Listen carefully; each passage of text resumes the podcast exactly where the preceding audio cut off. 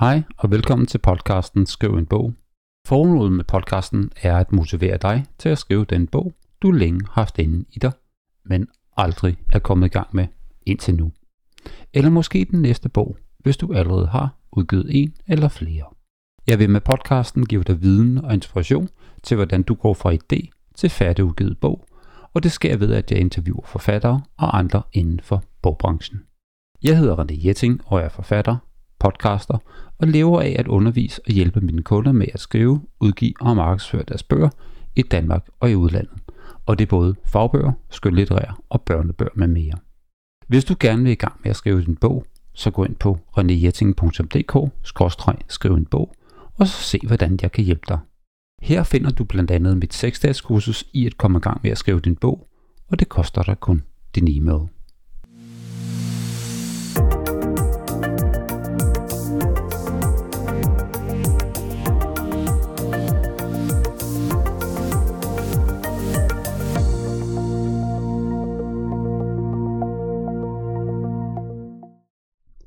Nyt fra bogens verden. Spotify lancerer lydbøger i USA. Ja, det måtte jo komme. Spotify er mest kendt for deres musik og i de senere års podcast. Men nu bliver lydbøgerne også en del af Spotifys univers. Og jeg tror kun det er et spørgsmål om tid, før de også åbner i Danmark og selvfølgelig resten af landene i Europa. Og så er der en ny app, der gør det muligt at se din udkårende sprogreol, inden du inviterer dem på middag. Den er faktisk skabt uden dating for øje, men appen er faktisk under udvikling, alligevel kaldes den Tinder for bogelskere. Og den har kun et formål, at matche ligesindede læsere. Og så er der 49% af befolkningen her i Danmark, der holder fast i den fysiske boghandel. Det vil sige, det er cirka knap halvdelen af os voksne danskere, der køber vores bøger i en fysisk boghandler. Det viser en ny undersøgelse fra Boghandlerforeningen og Danske Forlag fra 2022. Det er faktisk et fald på 5% fra 2020. Flere kommuner køber nye bøger for at styrke børns haltende sprog. Det skriver DR.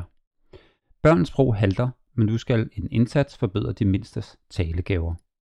Det er så svært for flere børn at læse og tale det danske sprog, og nogle kommuner har nu i gang sat initiativer, der skal komme børns sprogvanskeligheder til liv. Derfor skal bøger som Mimbo Jimbo, Alfons Oberg, Pippi Langstrømpe og Cirkeline nu ind i vuggestuer, børnehaver og SFO'er for at gøre dem bedre til at tale. Og så er antallet af bogudgivelser dalende her i Danmark. Danmarks Statistik har, har offentliggjort antallet af bogudgivelser mellem 2010 og 2020. Ganske vist er antallet steget siden 2010, men siden 2016 er antallet blevet færre. Nyt for mig. Jeg har travlt med forberedelsen til Bogforum 2022 i Bæltercenteret. Jeg har selvfølgelig besøgt Bogforum et utal af gange, men det er første gang, jeg er der som udstiller. Jeg ville de tre dage Bogforum var sprede budskabet om skævcam. Og det er selvfølgelig til alle, der ønsker at få hjælp til at skrive og udgive sin bog eller sine bøger. Hvis du er inde på Bogforum, så kom på B-standen og lige sig hej. Bogforum finder sted øh, den 4., 5. og 6. november. Jeg håber at se dig derinde. Her i 9. episode af Skriv en bog taler med Mia Bang Hansen, som er forfatter til Hjernefablen. Bogen er verdens første fabel om hjernen for voksne, skrevet til travle erhvervsfolk, men har fundet mange flere læsere i bredere forstand. Hør Mia fortælle blandt andet om, hvorfor hun valgte at skrive en fabel, hvorfor hun valgte selv at udgive bogen, og hvordan du kan skabe mere tid til at skrive din egen bog. Og meget mere. Lyt med her. Hej Mia. Hej René. Ja, jeg tænker på, der er måske nok nogen, der ikke kender dig derude. Kan du ikke præsentere dig selv? Jo, selvfølgelig. Jeg hedder Mirja Bang Hansen. Jeg er forfatter. Og øh, jeg tror nok, jeg har skrevet verdens første fabel om hjernen for voksne mennesker. Der findes rigtig mange fabler for børn, men øh, jeg har ikke rigtig kunne finde nogen fabler for voksne mennesker. Og det er ikke en, øh, det er ikke sådan en hygge-hygge-bog, selvom den er meget hyggelig at læse, siger folk. Det er en benhård, professionel bog, målrettet ekstremt travle erhvervsfolk. Og øh, grunden til, at det er en fabel, det er fordi det skønlitterære sprog, det taler til langtidsudkommelsen. Og når man har meget travlt, så øh, kan ens korttidsudkommelse og arbejdsudkommelse godt være lidt presset. Og så hjælper det at få noget, øh, noget information, der ligesom går ind og rammer langtidsudkommelsen, og det skal jeg nok komme tilbage på senere. Øhm, og jeg fortæller det her, fordi jeg selv er et travlt menneske. Jeg er min egen målgruppe. Jeg er dybt ambitiøs. Jeg har arbejdet med vækstvirksomheder i mere end 20 år. Jeg har været i en startup, øh, hvor jeg var den første ansatte og forlod da vi var en 15-20 medarbejdere. Så jeg har arbejdet med andre vækstvirksomheder og hjulpet med at finde kapital og bestyrelsesammensætning. Og så har jeg været i en global virksomhed, hvor jeg også har siddet og haft øh, nogle rimelig spændende og, og ansvarsfulde roller i at få, øh, få nogle vigtige ting øh, ud på markedet. Så øh, jeg er travlt, og jeg kan faktisk godt lide at have travlt. Jeg fordømmer ikke folk, der har travlt og ambitiøse, men jeg prøver at hjælpe dem med at finde ro i deres travlhed, fordi der er jeg selv fundet ud af. Og øh, det begyndte jeg at lære i 2008, hvor jeg begyndte at læse om hjernen, øh, fordi jeg tænkte, man må kunne gøre det her anderledes. Jeg kunne godt se, at der var nogen, der gjorde det rigtig godt, og havde mere ro på, end jeg havde. Øhm, og det har ligesom startet min, min indgang til det at lære om hjernen som et travlt menneske. Så da jeg begyndte at skrive en bog om det, så fandt jeg ud af, at jeg havde meget, meget, meget mere stof, end jeg egentlig var klar over. Så det her det er den første ud af fire bøger. Ja, hvornår fik du ideen til at skrive din bog, Hjernefablen? Jamen, øh, altså jeg gik selvstændig i starten af 2019. Øh, og det gjorde jeg, fordi jeg var nået til midten af 40'erne. Og øh, i 30'erne, der øh, lovede jeg mig selv, at inden jeg blev 50 år, der ville jeg skabe en virksomhed, hvor jeg var fysisk uafhængig af min arbejdsplads. Jeg ville have lyst til at kunne arbejde overalt i hele verden. Og øh, på det tidspunkt arbejdede jeg i gruppeplads og øh, i 18.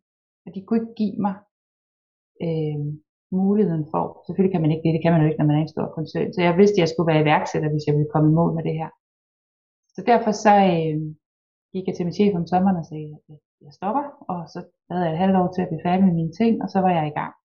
Og så skulle jeg jo finde ud af, hvad skal jeg egentlig lave som iværksætter. Jeg kan vildt mange ting. Øh, jeg er en af dem, der øh, har udviklet mig bredt i stedet for dybt. Altså jeg forstår værdikæden fra mange vinkler, øh, men der er ikke noget, jeg sådan er 100% ekspert i. Så, så derfor kunne jeg jo snit gå ind og blive konsulent. Men jeg vidste faktisk, at jeg ikke gad at være konsulent, fordi jeg havde at skrive rapporter. Og jeg ved, at 90% hvis det er, og det tror jeg endda er et, et lille tal, af rapporter, de ryger i skuffen og aldrig bliver brugt til noget ude i virksomhederne. Så det synes jeg ville være demotiverende, så jeg skulle finde på noget andet. Og øhm, det her med at arbejde med travle mennesker interesserede mig. Og jeg kunne se, da jeg begyndte at arbejde med travle ledere, øh, det er især ejerledere med nogle ansatte, sådan, hvor de begynder at tage fart i virksomheden, sådan en gazellevirksomhed og sådan noget. Det er der, hvor jeg virkelig kan se, at jeg kan gøre en forskel. Og jeg kunne se, at jeg havde lyst til at give dem noget, som kunne hjælpe deres hjerne, øh, eller hjælpe dem med at forstå, hvordan de arbejder med deres hjerne. Øhm, men det var rigtig svært at finde noget litteratur, til skulle på dansk, fordi øh, mange af mine kunder er ikke særlig stærke i engelsk. Øh, det er folk, der ligesom er, mange er vokset op med deres virksomheder og kan hænderne, men er ikke nødvendigvis øh, akademisk på et eller andet engelsk niveau. Så det skulle være på dansk, og så skulle det være noget, der gjorde, at de ikke faldt i søvn om aftenen, øh, når de kom hjem og var trætte, mens de læste. Og hvis de alligevel faldt i søvn, så skulle de kunne huske, hvad de havde læst. Og det var det der med langtidsudkommelsen, jeg kom ind på før. Og så var det, at øh, en veninde af mig, vi sad og fik en god flaske vin en dag, en rosé i solen, og så sagde hun, hvorfor skriver du ikke en, en skønlitterær bog om hjernen? Jeg var sådan, ah, det kan jeg ikke. Jeg er til det faglitterære. Jeg er sådan rimelig snobbet med det faglitterære. Det var jeg i hvert fald. Og så begyndte hun sådan at udfordre mig lidt på det, og øhm, mindede mig om, at vi har børn, der er lige gamle, og dengang børnene var små, øh, når, de ikke, øh, når de skulle sove, så var det altid mig, der skulle ind og, og fortælle godnathistorie. Og, øh, og det er fordi, jeg kunne sidde i mørket og bare fortælle, fordi historierne kommer til mig helt af sig selv. Så de kunne bare vælge nogle figurer, og så, øh, og så, så kunne jeg så fortælle øh, historier om de der figurer. Og nogle gange så faldt de i søvn, og så sad jeg og snakkede videre i mørket, fordi jeg faktisk gerne ville vide, hvad historierne selv endte med. det vidste jeg jo ikke. så hun mindede mig om den, og så kom jeg jo til at snakke om det der med hjernen, og det skønlitterære sanserne, og, og langtidsudkommelsen. Og så begyndte ideen ligesom at gro, og øh, ja, så kom ideen til hjernefablen, og, øh, og øh, ja, jeg fik lyst til at skrive den for at hjælpe mine travle kunder. Og den var egentlig ikke tænkt som en kæmpestor bog dengang. Øh, men nu tror jeg på den og har fået den oversat til engelsk, fordi jeg har fået så ekstremt meget feedback øh, fra alle mulige mennesker, jeg ikke kender. Øh, også uden for min målgruppe. Men den hjælper åbenbart mange forskellige mennesker. Og derfor synes jeg også, at den har en, øh, jeg har en pligt til at prøve at hjælpe den ud i verden. Du har udgivet bogen selv. Hvorfor valgte du at udgive den selv og ikke gennem et forlag? Altså hvis man skal udgive gennem et forlag, så er der jo der er enormt meget credit og status i at have et forlag i ryggen. Det er der ingen tvivl om. Men bogen er jo ikke skrevet, fordi jeg skulle være en kendt forfatter. Bogen er skrevet, fordi jeg ville hjælpe nogle travle mennesker. Så jeg havde ikke, øh, jeg havde ikke behov for at, at have et forlag. Øh, fordi jeg ikke drømte om at blive en, en kendt forfatter. Så jeg tænkte, den skal ud hurtigt. Jeg havde travlt. Jeg havde øh, mine kunder, de stod og ventede på den. Øh, jeg havde ikke tid til at bruge, øh, nogen bruger jo flere år på at, at blive godkendt. Så skal de til at skrive bogen om, når de først har fået en redaktør på. Så jeg meldte mig på et kursus for nye forfattere, 25 andre debutforfattere. Og vi skrev så bøger sammen, og jeg fik en skrivecoach på, og det var en kæmpe hjælp. Jeg vil sige til alle andre, der overvejer at skrive en bog. Altså, find et community, hvor der er nogen, der skriver bøger sammen, og bruger hinanden, og lære hinanden, og få en skrivecoach på, og altså, det, er, det, var, det satte tempo på mit. Så det tog jo faktisk ikke særlig lang tid at få bogen øh, udgivet. Mm, og så alt det der praktiske, hvordan får man et ISBN-nummer, og hvordan laver man egentlig et forlag. Altså det tager virkelig ikke lang tid, og hvis du så har nogle professionelle omkring dig, der hjælper dig med det, så går det virkelig, virkelig stærkt. Så øh, ja, så derfor udgav jeg den selv. Og øh, det med at få en redaktør på, det har jeg jo nogle gange fået lidt røg for, at du skal have en professionel redaktør. Øh, der gik jeg i stedet ud og, og bad, jeg har et, et fuldstændig fantastisk netværk, der godt vil hjælpe mig, så jeg fandt en, en rimelig stor flok øh, meget travle ledere og spurgte, om de havde lyst til at hjælpe mig med at, at læse første udgave af bogen. For det var jo ligesom min målgruppe. Og jeg fik faktisk øh, 25 travle ledere til at læse min bog. Altså fuldstændig rørende, at så mange mennesker vil give mig konkret feedback. Øh, så de vil både sætte tid af til det, og så til at give mig feedback. Øh, og der, det lærte jeg jo meget af. Så en stor del af bogen er skrevet om, og der skulle en indledning på, og øh, fagligt om hjernen havde jeg lagt om i bag i, og det skulle foran, fordi jeg troede folk vidste mere om hjernen, end de egentlig gør. Øhm, men der skulle rigtig meget hjælp til at, at, at få læseren i gang.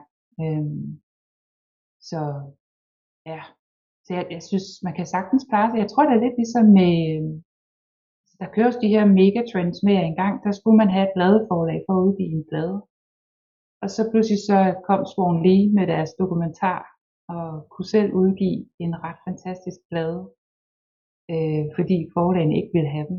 Og det er jo det samme, vi ser med, med bøgerne, og jeg tror, der er mere og mere anerkendelse omkring det at være selvudgiver.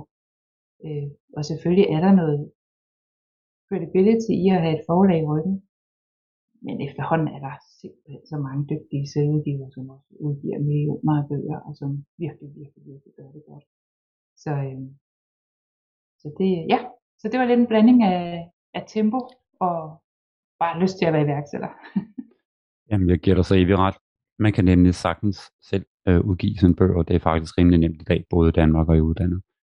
Og så vil jeg også godt give det ret i det der med, at man skal finde et fællesskab, hvor man skriver sammen med andre, hvor man endelig har det samme mål at skrive en bog. Fordi det giver bare dig energi, og det giver dig motivation til at blive færdig med den bog, og du bliver færdig med den bog øh, langt hurtigere, end hvis du selv har siddet derhjemme alene og skrevet den. Hvad med hensyn til markedsføringen? Ja, jo, og så vil jeg også godt sige, jeg vil godt pakke op det med, at du sendte den til 25 i din målgruppe. Det er nok noget af det bedste, man kan gøre, det med at finde beta-læser. Det der med, at man får feedback tilbage på bogen.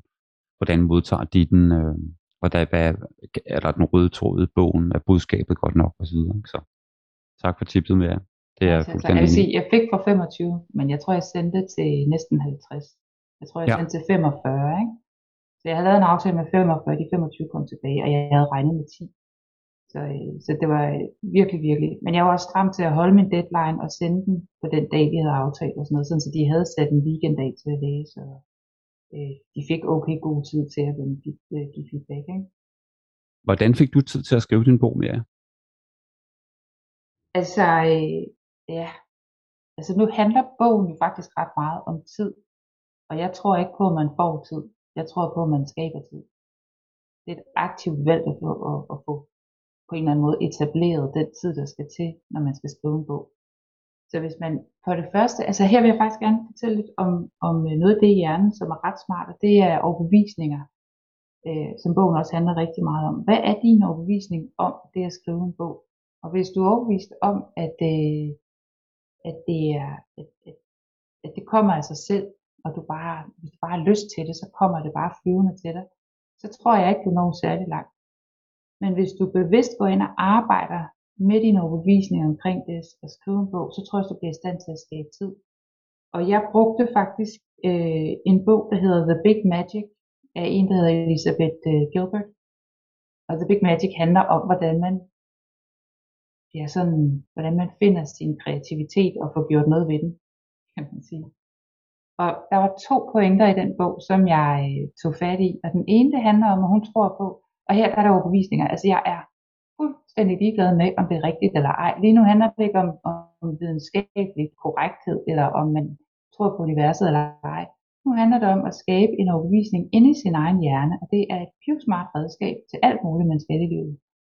Øhm, og det hun tror på, og den valgte jeg så at tro på, det er et valg at tro. Det er ikke noget, man enten kan man, eller så kan man ikke. Alle mennesker kan tro, hvis de godt vil. Så jeg valgte at tro på det samme som Elisabeth, at der flyver idéer rundt i hele verden. Og så nogle gange, så er man så heldig, at der er en idé, der falder ned i ens hoved, og så får man ideen, og så kan man gå rundt og mærke lidt på den, om man har lyst til at gøre noget ved den eller ej. Og hvis man ikke gør noget ved den, jamen så flyver ideen over til et andet menneske. Og så kan det være, at det andet menneske laver, gør noget ved det og får gjort det her til en virkelighed, eller bygge en virksomhed, så kan man sige, ej, han har stjålet min idé. Og der er det så Elisabeth Gadehus siger, øh, nej, du gjorde bare ikke noget ved den idé, mens du havde den. I hvert fald ikke hurtigt nok.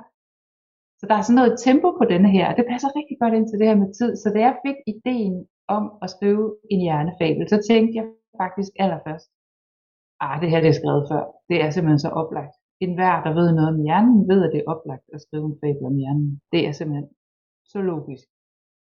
Så jeg smed den væk. Men så blev den ved med at komme tilbage, og jeg tror, jeg gik rundt med den en uges tid, og så begyndte jeg at google, øhm, og koblede hjerne og fabel på nogle sprog, engelsk, tysk, fransk, og tyrkisk. Jeg faldt alle mulige sprog, og jeg kunne ikke se noget som helst. Og så begyndte jeg at opdage, hov, jeg har fået den her idé. Og begyndte at lege med ideen. Altså jeg blev sådan helt ydmyg og taknemmelig over, at ideen var kommet til mig. Og så blev jeg helt skræmt, fordi så tænkte jeg, oh gud, hvornår er der en anden, der får den her idé? Den her, den skulle ud og flyve. Jeg vil have den. Og så fik jeg sådan en helt ejerskab. Og så måtte jeg skabe tid. Og når man har noget, der brænder så meget, som det her det gjorde, altså det var som en, en crazy deadline lige foran mig, så, så bliver man i stand til at skabe sin tid. Så jeg fik virkelig sat øh, tid af øh, til at få gjort det her. Øhm, og det var ikke sådan, at jeg sagde, at jeg skal skrive hver morgen, øh, for jeg er ikke særlig, jeg bryder mig ikke om, at uret skal diktere mig for meget. Øh, det gør de fleste hjerner jo heller ikke. Det virker en uges tid, og så begynder man at kede sig med det. Så jeg gik og lod idéerne gro og var tålmodig. Og når de så kom, så tog jeg tiden, og så skrev jeg og de kunne komme out of nowhere, og jeg har øh, skubbet møder, og jeg har taget dage på ferier, som min familie har accepteret, øh, og jeg har flyttet rundt på aftaler, fordi når, når inspirationen var der, så var jeg der, og så var jeg til stede og til rådighed for denne her idé, der pludselig var inde i mit hoved. Så det der med overbevisning er sindssygt vigtigt. En anden ting, som øh, Elisabeth Gilbert hun også bruger, som jeg også brugte, det er det her med, at de gamle romer, de troede på, at øh, i hvert hus, der boede der nogle alfer. Og en af alferne, det var genius, sådan geniet. Og øh, det betyder, at når forfatteren kom frem, eller kunstneren kom frem og havde sine lyse øjeblikke, så var det i virkeligheden ikke ham selv, men det var fordi alfen var til stede i huset. Og man siger, at det der, det er faktisk en rigtig fin måde at, at tøjle en, øh, en forfatters sådan store ego. Altså en forfatter kan hurtigt blive meget, uh, det er mig, der er så fantastisk, eller kunstneren. Øh, man får en vis ydmyghed, som jo øh, klær øh, et menneske som regel at have bare en lille grad af det, selvom man er meget, meget dygtig. Og det er fordi, man ligesom ved, okay, det er jo når alt er der, det er ikke mig, jeg får hjælp af den her alt. Omvendt, og nu bliver det rigtig godt for sådan nogle forfatterspiger som mig, så hjælper den også med, at hvis det er svært, og hvis man ikke kan komme i gang med at skrive, jamen så er det fordi alt man ikke lige er der. Så det har ikke noget med mig at gøre. Det er fordi, jeg mangler min lille alt i rummet, og så må jeg pænt vente på, at alt er der. Så de to overbevisninger, dem valgte jeg at tro på. Og de var virkelig, virkelig gode til at få mig til at, at skabe tiden, når jeg kunne mærke, at det var nu, øh, at jeg kunne skrive. Og langt, langt, langt de bedste passager i bogen er jo skrevet, hvor jeg faktisk, øh, det er som om, at der var noget, der skrev for mig, øh, hvor jeg, jeg var ligesom, det var ligesom at fortælle historier for børnene, da, jeg var, da de var små. At øh, jeg vidste ikke, hvad der ville ske. Og på et tidspunkt, der sker noget inde i bogen, hvor øh, den ene af figurerne, når jeg helt glemt at fortælle, hvad den handler om, men det handler om amygdala, som hedder mygge, og hippocampus, som hedder hippo.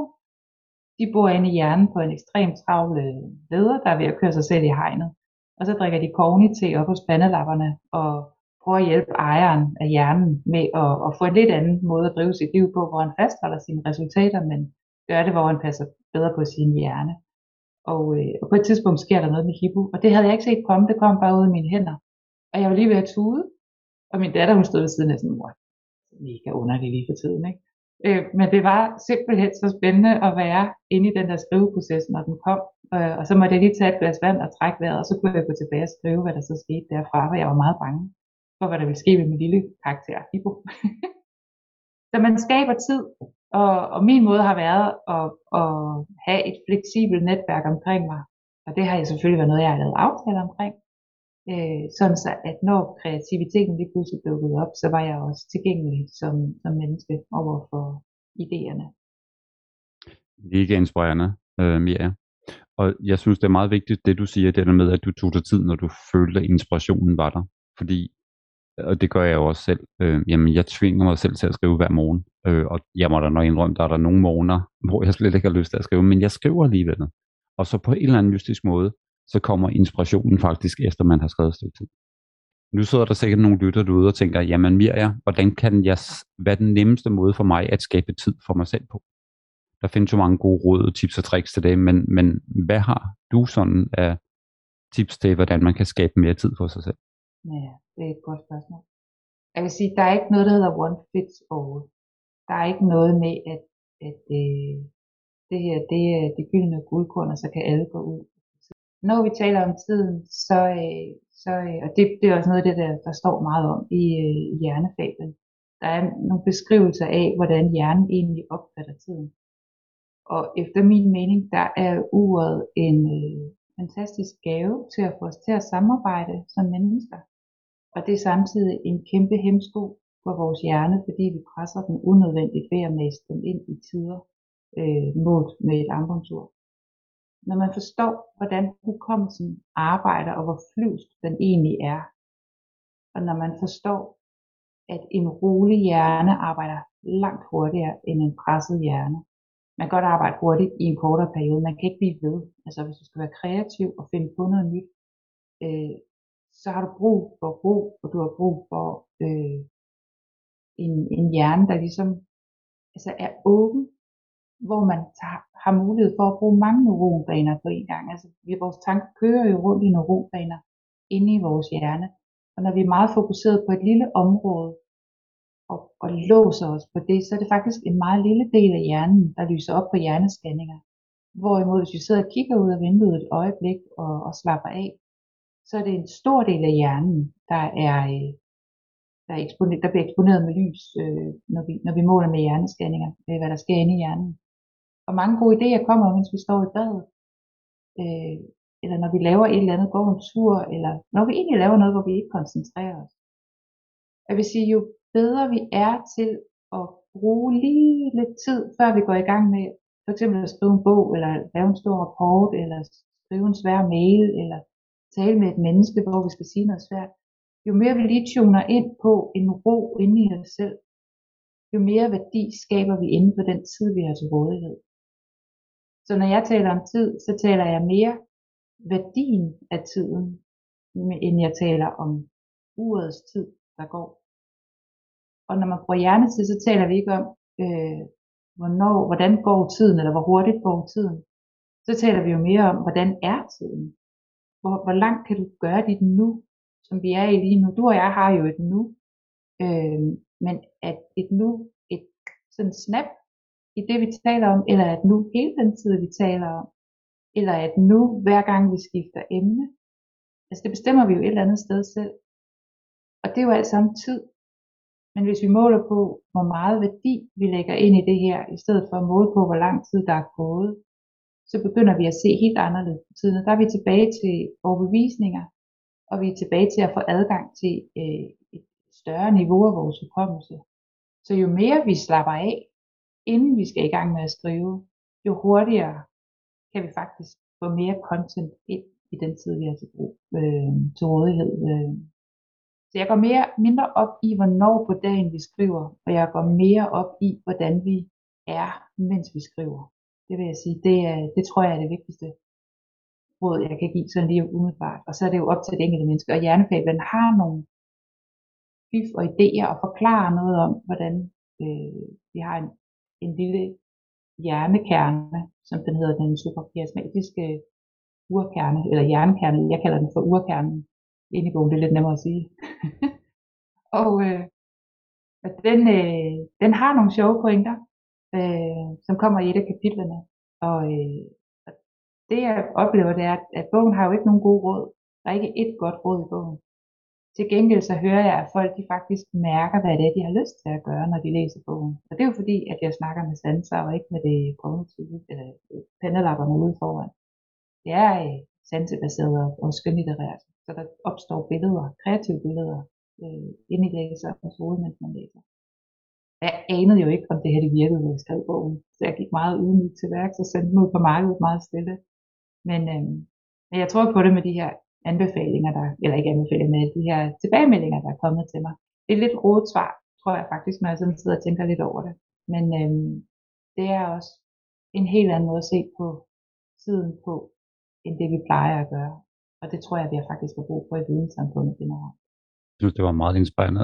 Jeg, jeg giver det fuldstændig ret med, at det kommer også sådan på, hvilket, hvilken følelse du har med dig selv, og, og man faktisk skal bruge noget tid til noget forberedelse, faktisk inden du sætter dig ned og skriver, så du ikke lige kommer fra et hurtigt møde og styrter ind på kontoret og skal sætte dig ned og få at skrive, altså, så er du, så er du ikke rolig, og, og det er rigtigt. Når du, når du har ro og overblik, så virker det også som om, du skriver meget bedre. Også hvis du specielt er i godt humør, og solen skinner, ikke? Altså, det, det er helt med sig. Jeg tænker hvor der sidder sikkert nogen derude og tænker, hvor kan jeg købe Hjernefablen henne, som din bog hedder? Hvor kan du købe den henne? Ja. Jamen, den er tilgængelig i, altså overalt på, øh, på alle hvad hedder det, boghandlerplatforme og i boghandleren, fysiske butikker. Og den er i, øh, på biblioteket kan man få fat i den. Så, det, øh, så den er overalt. Og ellers så kan man gå ind på min hjemmeside, der hedder mirjabanghansen.com.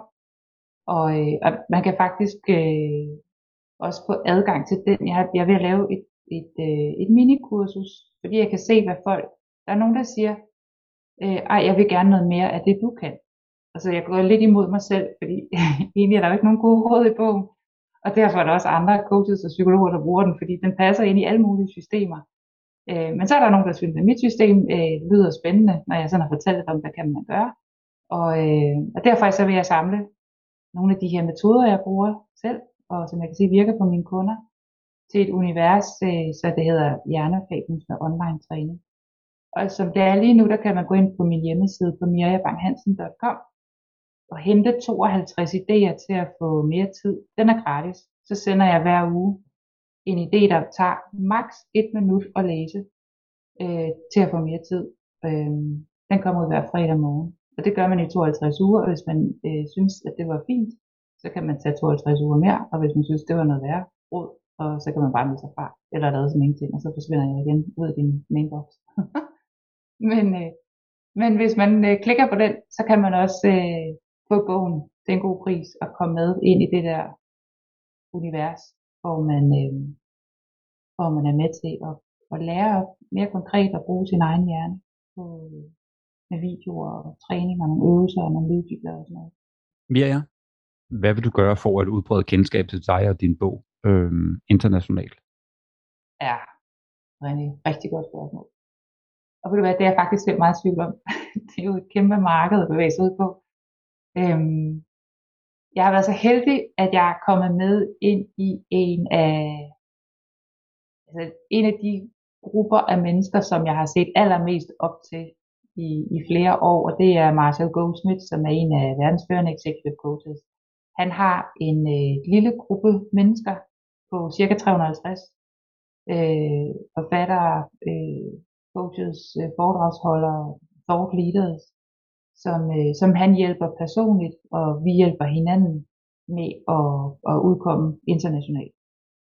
Og øh, vi to danskere der i, den anden dansker, det er Martin Lindstrøm, som jeg tror mange kender, og øh, øh, det er jo helt vildt at, at være i netværk med ham. Øh, ikke at øh, jeg kender ham endnu, men det er sikkert på, at jeg får mulighed for det på et tidspunkt. Det tror jeg kommer til at hjælpe mig meget, for jeg får virkelig meget inspiration, og jeg kan se, at der er nogen, hvor vi er på samme niveau, og så er der nogen, der er et skridt foran mig, og så er der nogle af dem, der har solgt millioner af bøger, ligesom Martin Lindstrøm. Så øh, og der er en utrolig, øh, utrolig stor og professionel tilgang til det at de bøger øh, og hjælp. Øh, så jeg håber, jeg får noget hjælp derfra. Det tænker jeg, jeg gør. Det får jeg faktisk allerede. Og, og så skal jeg bare til at lære at være åndstroværdig i stedet for ikke? og så prøver jeg jo dig, René. Du har jo også, øh, hele dit univers er jo, er jo en del af det, som jeg også kommer til at tage ind i i forhold til at, at få nogle praktiske og tekniske metoder til at, at, at gøre det her på en smart måde. Jeg tænker på, Mia, som det sidste, er der nogen, der har læst en bog, enten på dansk eller på engelsk, og sagt til dig, ah, Mia, man kan ikke skrive skønlitterær, når det er en fagbog. Ligesom sådan et eventyrsagtigt et eller andet univers. Ja, det er et spørgsmål. Det, øh, altså jeg har ikke hørt om nogen, der har læst den, som har sagt det. Øh, tværtimod, så er der nogen, der er blevet overrasket. Men jeg har den holdning. Jeg ved godt, at der er mange fagfolk, der synes, at det er noget mærkeligt noget at skrive en fabel om hjernen. Og jeg er egentlig rimelig rolig, fordi der er tusindvis af fagbøger om hjernen til dem. Så det er faktisk, øh, de, de kan bare blive ved med at læse de bøger, og blive ved med at læse til øh, præfrontal cortex. Og den dag de så forstår, hvad er det egentlig for et type sprog, der gør, at man bliver ramt på langtidsudkommelsen, så kan det være, at de måske føler sig til at læse den. Så den her bog, den er skrevet til dem, der godt vil have det serveret på en meget mere hjernevenlig måde. Og det er, The Go-Giver er jo sådan en, og Hvem har flyttet min ost? Øh, nogle af verdens mest solgte øh, lederbøger. Det er jo også Babler, som har skrevet det. Det er jo en kæmpe inspiration til, øh, altså til hele det her univers, som jeg faktisk øh, har lavet nogle inspirere af. Kan vi forvente flere bøger af dig i fremtiden? Ja, René. Og det er jo fordi, dengang jeg først begyndte at skrive, jeg vidste ikke, hvad jeg vidste om hjernen, da jeg begyndte at skrive om hjernen. Øh, jeg har bare læst artikler og bøger i, øh, på det tidspunkt var det jo næsten 10 år. Nej, mere end 10 år. Øh, der var simpelthen så meget stof. Og jeg kunne også se, hvis det her det skulle give mening, så skulle jeg ikke have alt for mange pointer i, i, med i en bog. Så er det bedre at tage nogle få pointer og vigtige pointer, og så få dem ramt fra flere sider øh, med fabelsproget. Så jeg har faktisk gjort klar til fire fabler. Så det er den første ud af fire fabler. Den her den handler om, om at få tid og ro i en travl hverdag. Fordi hvis man vil udvikle sig og ændre noget, så skal man have tiden til det. Så den allerførste bog handler simpelthen om at kigge tid ind til det, man gerne vil gøre noget ved. Det næste, man så skal, det er jo så at begynde at få etableret nogle nye vaner i sit liv. Og det er det, den næste bog kommer til at handle om. Så det er jeg i gang med at researche om, og jeg har udviklet en virkelig sjov figur øh, en hjerne. En, der hedder basal ganglia. Jeg kan næsten ikke vente med at skrive bogen øh, om den. Altså det tager, det tager faktisk meget, meget længere tid at udvikle figurer til sådan en bog, end egentlig at skrive selve bogen. En af de store pointer med den nuværende hjernefabel, den første her, det er at man, man skulle meget gerne få et varmt og ikke dømmende forhold til sin egen amygdala. Og derfor så skifter amygdala karakter undervejs. Og bare opfinde den vej, det har simpelthen taget så lang tid, og der har skulle, jeg har skrevet kapitler ud. Altså der er hele kapitler, som jeg har tænkt, det går ikke ud med det. Man starter med at være irriteret på mygge, når man ned, ikke? og så skifter man undervejs, og så bliver man mere, får man lyst til at hjælpe ham og hæppe.